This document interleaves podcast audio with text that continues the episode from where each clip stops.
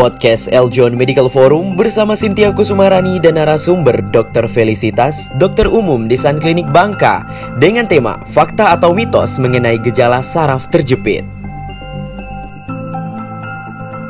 Podcast ini dipersembahkan oleh Eljon Media dan disponsori oleh Sun Klinik Bangka, pertama dan satu-satunya klinik kesehatan modern di Bangka. Selamat mendengarkan.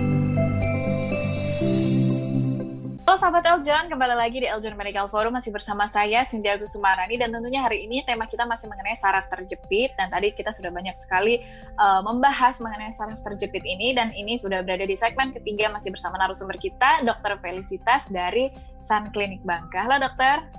Halo Cynthia. Ya dokter, uh, kita ngobrol lanjut lagi nih ya dokter tadi masih mengenai saraf terjepit.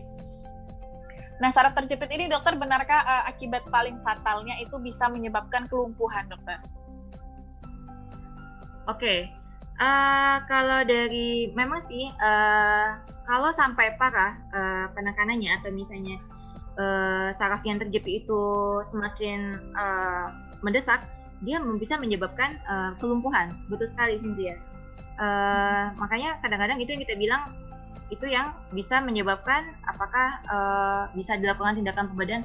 Kalau misalnya terjadi kelumpuhan, bisa dipertimbangkan sih apakah harus dilakukan tindakan pembedaan apa enggak. Tapi pembedaan pun tidak 100% bisa berhasil untuk menyembuhkan. Nah, karena kata-kata juga kadang ada yang berhasil, kadang ada yang bisa berjalan lagi setelah dilakukan tindakan operasi. Jadi hmm. memang balik lagi kalau kita bicara mengenai uh, komplikasi bedah ya kita nggak bisa memprediksi sih hasilnya hmm. bagus atau enggak gitu. Jadi memang harus eh, hati-hati juga ya dokter ya saraf terjepit ini karena kita tidak bisa prediksi tiba-tiba terlalu berat mengangkat sesuatu tiba-tiba bisa aja terjadi langsung berarti ya dokter ya. Hmm. hmm. Oke okay, baik. Nah uh, dokter katanya uh, tadi saya baca-baca juga di beberapa artikel mitos atau faktanya nih dokter katanya kebanyakan pria yang lebih banyak terkena saraf terjepit ini dibanding uh, wanita dokter. Ya, kalau dari segi faktor resiko, uh, memang banyak kan pria di bisa terkena eh, lebih banyak pria dibanding wanita yang terkena HNP. Itu itu penyebabnya karena tadi yang saya bilang ya uh, karena pengaruh aktivitas. Kalau laki-laki kan lebih banyak aktif uh, ini ya kerjanya lebih berat ya dibanding wanita ya. Misalnya ngangkat berat, ngangkat uh, beban berat, ngangkat uh, mereka pekerjaannya lebih kasar istilahnya. Hmm. Jadi rata-rata perbandingannya dua banding satu. Jadi pria itu lebih banyak dibanding pada wanita. Emang betul sih dari kenyataannya. Dan itu pengaruhnya karena aktivitas. Kalau kalau kita wanita kan lebih banyak uh, kerjanya tuh yang lebih lembut, lebih hmm. halus kerjaannya. Tapi kalau kerjanya lebih kasar, angkat-angkat hmm. gitu. Lebih lagi pengaruh pengaruh tekan, angkat jadi tekanan bagi tulangnya. Hmm. Oke, okay. hmm. jadi memang uh, pria mungkin memang lebih berisiko ya dokter ya karena terkait dengan pekerjaan dan juga yang memang uh, mungkin juga wanitanya suka meminta prianya juga yang minta tolong angkat-angkat ya dokter ya. Jadi lebih berisiko pria terkena saraf terjepit ini. Nah, uh, fakta dan mitos selanjutnya di dokter uh, katanya oh, pekerja kantoran lebih banyak terkena saraf terjepit dibanding uh, yang tidak kerja kantoran. Mungkin tadi kaitannya dengan posisi duduk yang bekerja di kantor mungkin selama jam kerja 8 jam gitu ya dokter ya. Hmm, hmm. Kalau misalnya kerja kantoran itu kan memang bisa jadi kalau kita kantoran kan uh, stagnan ya di depan komputer kita kerja gitu. Tapi nggak nggak ada peregangan. Nah itu juga bisa istilahnya uh, menyebabkan kalau kita kurang peregangan kan istilahnya kaku ya jadinya tulangnya ya mm-hmm. tulang belakang jadi kaku jadi akibatnya malah jadi rasanya itu lebih gampang aus karena tidak ada mm-hmm. peregangan akibatnya memang rata-rata juga bisa jadi pekerja kantoran juga bisa terkena HNP gitu kan mm-hmm. di uh, padahal kan mereka nggak kayaknya kerja kantoran nggak berat ya cuma ngetik-ngetik aja ya posisinya mm-hmm. tapi dia lebih ke arah karena posisi yang stagnan nggak nggak aktif juga gitu jadi ya gitu jadi akhirnya malah jadi bisa HNP juga karena terlalu banyak uh, diem biasanya sih gitu dibanding ya hmm. aktif tapi baik lagi perbandingannya yang aktifnya aktif biasa ya nggak ngangkat-ngangkat istilahnya hmm. bisa hmm. jadi tapi tidak mungkin tidak terlalu beresiko seperti angkat beban tadi ya dokter ya bisa terjadi bisa aja terjadi hmm, Hmm, Oke, okay. nah uh, kemudian dokter kalau misalnya saraf terjepit ini sudah ada di level yang paling parah ya dokter ya tadi sampai harus ada pembedahan dan lain.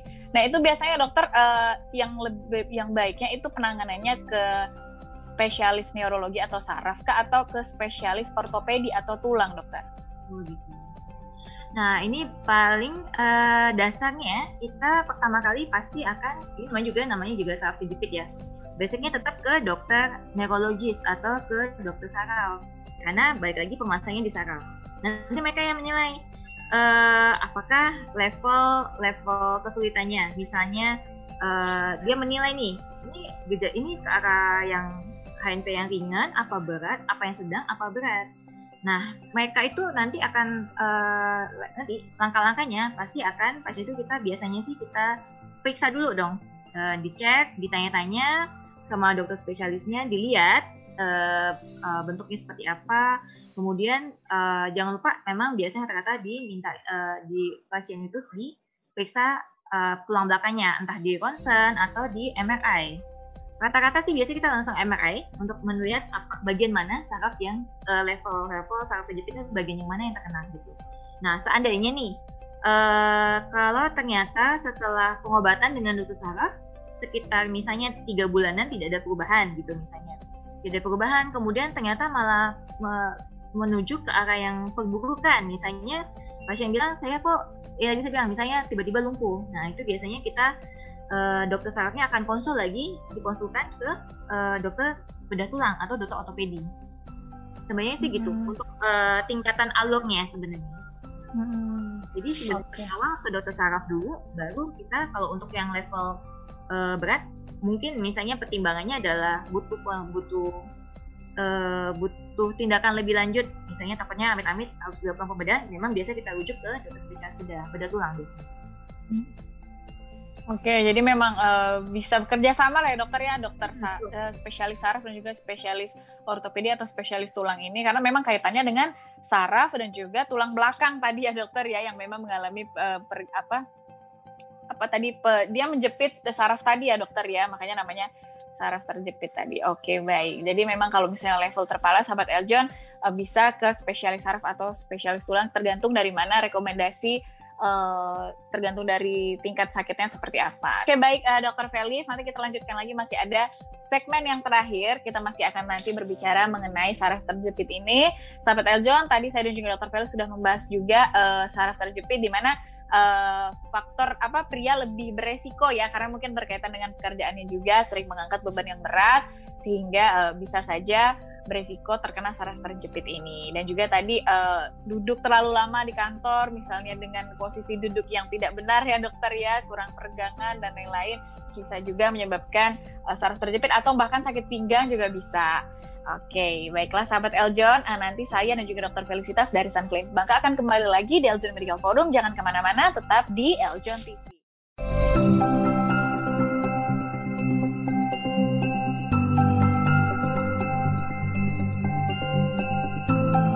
Terima kasih telah mendengarkan podcast Eljon Medical Forum persembahan dari Eljon Media dan disponsori oleh Sun Clinic Bangka, pertama dan satu-satunya klinik kesehatan modern di Bangka. Jangan lupa follow podcast Eljon Medical Forum di Spotify ya.